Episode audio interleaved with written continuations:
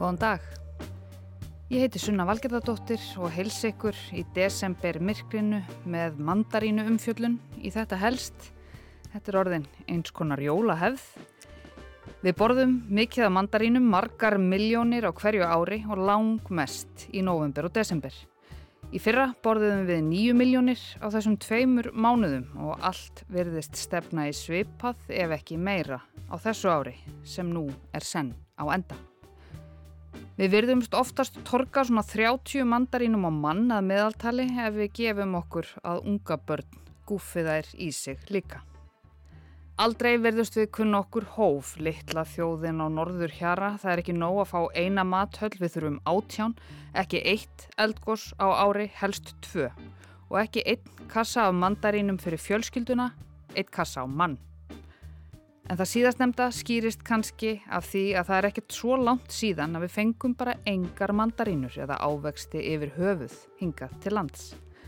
Mandarínur eða klementínur eða tangerínur eða hvað þetta allt heitir, þetta skýrist allt í þætti dagsins. En klementínur eru mandarínur en mandarínur eru ekkert endilega klementínur. Íslendingar borða um það byrj 9,5 miljón mandarína í kringum jólaháttíðina í ár. Í ár eru um 620 tonn af mandarínum flutt inn, aðalega frá Spáni, sem þýðir að 9,3 miljónir mandarína koma hinga til landsins. Það gerir 27 mandarínur á hvern. Við eigum að borða 5 á dag, 5 stykki af ávöxtum eða græmiti. Það er alltaf verið að segja okkur þetta. Samkvæmt rannsókn landlæknis embættisins nær rúmlega 10% þjóðarinnar því markmiði. Hlutfallið er hæst á höfuborgarsvæðinu en lægst á Suðurnesum og Östurlandi og konur eru dugleiri að borða 5 á dag heldur en karlar. Ávakstanisla minkar líkur á hjarta og æðasjúkdómum, ímsum tegundum krabbameina, auk þess auðveldar og nokkur að viðhalda hilsusamlegri líkamstingt. Í ávöxtum eru allskynns vítamin og efni sem er okkur mikilvæg eins og til dæmis C-vitamin og í mandarínum er mikið C-vitamin. En það þýðir samt ekki að gúfa í sig kassa af mandarínum á dag í november og desember og sleppa svo bara ávakstanislu hina tíu mánuðina. Það virkar ekki þannig. Hófsemi, stilling. Við erum ekkit rosalega góð í því. Kolbeinn Ari Haugsson skilaði B.A.riðgerðinni sinni í Sagnfræði við Háskóla Íslands árið 2019. Hann skoðaði þar ávakstanislu Íslandinga og tímum innflutningshafta árið 1930 til 45 og ber rittgerðin titilinn með ávöxtunum flytju við inn sólskinnið. Það er fallegt. Grípum nú aðeins niður í rittgerðina hans Kolbins. Það væri ekki nema eðlilegt að íbúar í hinnum kaldari löndum þar sem ávextir ekki þrýfast vegna vöndunar á yl og sólarljósi kynnu ennþá betur að meta gildið þeirra, heldur en þeir sem sunnar búa. Því í ávöxtunum flytjum við inn sólarljósið í fæðutegund. Sólinn og jörðin hafa hvorum sig lagt sitt besta af mörgum til að þroska hinn ljúffengu aldinni. Sólinn, ljósið og ylinn, jörðin hinn frjósama jarðveg með hennum fjölbreyttu næringarefnum og ávextir eru fæðutegund sem menn neyta eins og náttúrón sjálf hafi borið á á borð. Ekkert frá mannana hendi hefur þurft til fegrunar, uppfyllingar eða bragðbætis. Þeir eru vítaminríkir, næringamiklir, hotlir, ljúfengir og fagirir.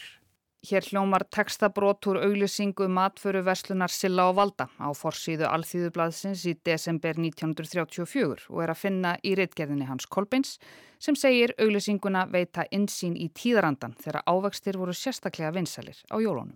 Það má segja um ávexti að þeir séu það fullkomnasta sem skaparinn hefur látið vaksa á jörðinni látið komandi jólaháttíð verða ávaksta háttíð. Ekki þarf að líta langt tilbaka til þess að finna tíma þegar landlægur ávaksta skortur ríkti á Íslandi. Upp úr miðri 19. öld fóru Íslandingar að flytja inn ávexti af ýmsum gerðum en fram að því hafði hann takmarkast að mestu leiti við þurkaða ávexti. En svo komu höftin.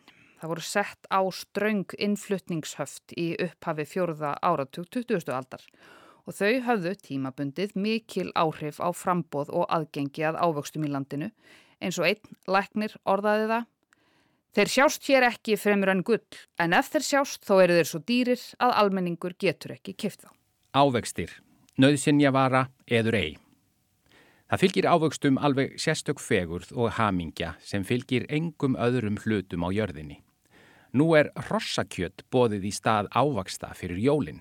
Þannig breytist smekkur mannana þegar þeir verða ríkir og fara að græða miljónir. Nú á maður að hafa hrossakjöts fílu í staðin fyrir ávaksta ilm um jólinn í þessu landi. Og umfram allt heimta nú Íslendingar nóg meðull, nógar eiturblöndur, nógu herfilegar pillur og mikstúrur, allan þann óþverra sem vísindin geta samansett, andstyggilegastan af efnum jarðarinnar, sjálfsagt að geta sem mest ofan í sig að þessu, hafa nógu mikið af apotekum og nógu mikið af læknum til að gefa mönnum ávísanir á allra handa eiturblöndur og djöful út úr apotekunum. Þetta skrifaði Haldur Lagsnes í sérstakt jólablað stundarinnar í desember 1940. Bara ekki appelsínur. Það gengur morðinæst að nefna appelsínur. Á haftatímum var ekki mikið um dýrðir í búðum. Svo fór að ávextir fengust einungis gegn framvísun livseðils en samkvæmt líðhelsukönnun var dagleg ávakstanæsla landans að jafnaði 7,5 grömm í köpstöðum landsins en einungis 3,3 grömm í sveitum. Svona eins og hálfur eða eitt fjörði af mandarinubát.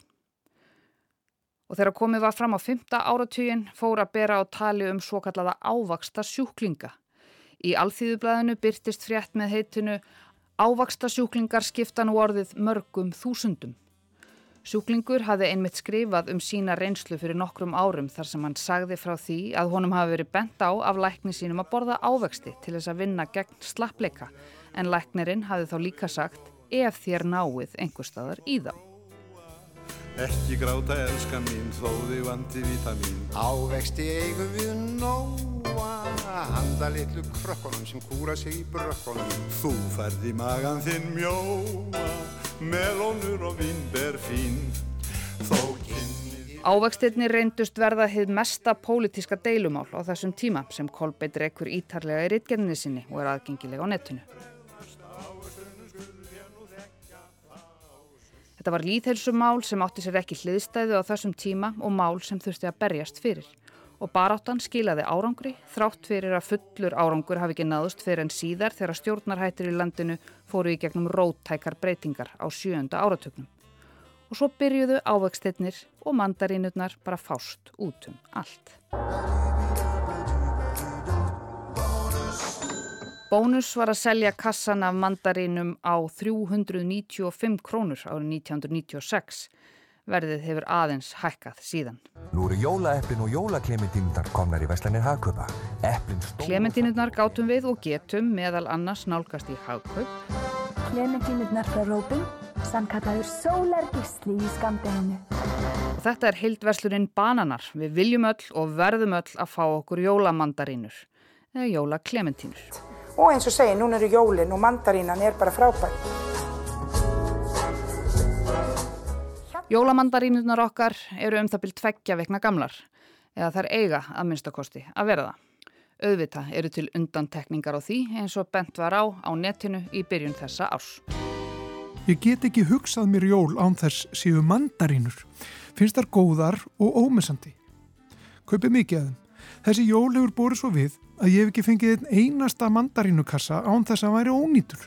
Ávastirnir bræðvondir, þurrir, trénaðir eða þá allt og linir eru svo farnir að rótna stuttu eftir að þeir komur búðinni. Þetta eru vonbriði.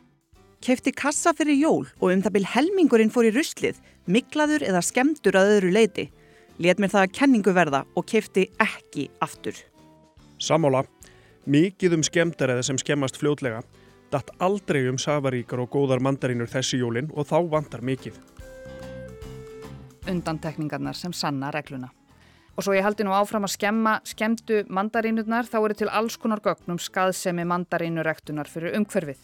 Þær gefa af sér um það byrj 16 tonn per hektara sem er svo sem ekkert agalegt með að við suma aðra ávakstarrektun en jarðaber nota til dæmis 25 hektara per tonn og bananar allt upp í 100. Hörðustu náttúruvendarsinnar segja það beinlinis ósiðlegt að borða mandarínur ekki bara vegna þessa heldur líka vegna tilkynninga sem hafa borist um óörugar vinnu aðstæður hjá fólkinu sem týnir þær af trjánum. Sumi leiðis er þetta ekki talin sjálfbær matvara en er aftur á móti ekki með neitt svakalegt kólefnisspór. Og ekki megu við svo gleima eitrinu, það hefur alveg fundist töluvert magna því á mandarínum í gegnum tíðina. Fyrr á þessu ári byrtust niðurstöður vísindamanna á vegum bandarísku hilsu og náttúruvendarsamtakana E2FG, The Environmental Working Group, á sítrusávöxtum og magni sveppaeiturs á þeim og það fannst í svo miklu magni að það var skadilegt hormónakerfi fólks og gatvaldi krabbaminni. Það fannst í alltaf 90% sína af mandarinum. Og það hefur meira að segja verið rætt um eitur á mandarínum á alþingi. Það fundist leifar ímiskonar varnarefnum sem getur verið þá skortir eitur eða illgreðsinseiði, sveppa, liv, eða stí, önnu stýrefni. Í alltaf 5% tilvika er ávextu voru rannsakaðir Hvaða ávextir voru þetta eða grænmeti? Þetta voru til og með spínat og kífi, appisínur, klementínur. Þetta var Karl Gauti Hjaldarsson að viðra áhyggjur sínar af eitruðum ávöxtum. Þó kynnið í litla sé kannski svolítið höld og blá Áttu samt vini sem aldrei bregðast ávöxtunum skulum ég nú þekka þá En það er að koma jól og svona, þannig við skulum færa okkur yfir í eitthvað skemmtilegra, náttúru og málvísindi.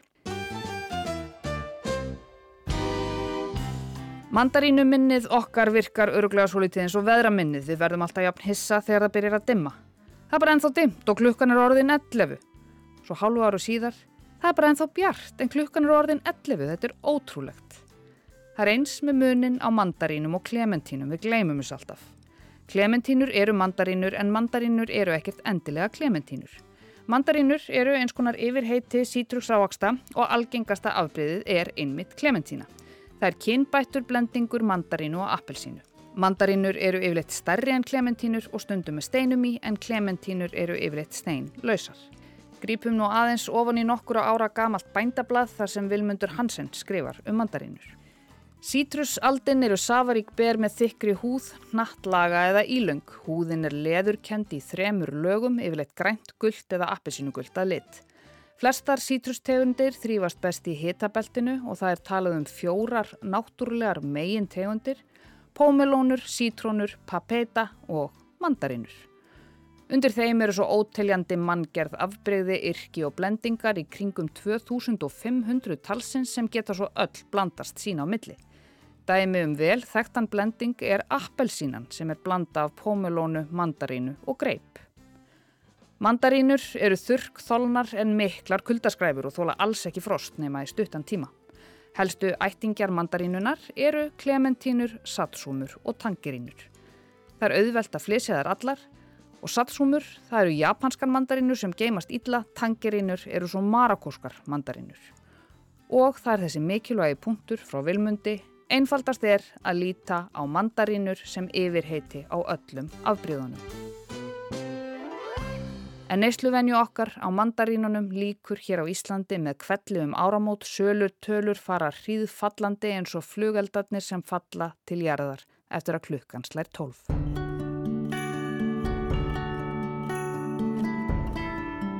En nú býðum við jólana með fangið stút fullt á mandarínum Þetta var síðasta helstið fyrir jólinn sem eru alveg að skella á og svona til hátíðar breyða þá var það mandarínur hljómsveitarinnar Evu sem leiða ykkur inn í hátíðirnar að þessu sinni. Ég heiti Sunna Valgerðardóttir og þakk ykkur fyrir að leggja við hlustir í dag eins og aðra daga. Megiði eiga góð og eðlileg jól og við heyrum strú aftur að þeim loknum. Gleðilega hátíð. Það er myrkur svo serían sjáist Það er myrkur svo mómentið náist Myrkrið og við Og ég kefti kassa af mandarínum Í myrkrinu verðum við mýgri Í myrkrinu meikum við sens. Þú ert byrjuð að baka Og endalaust af mandarínum.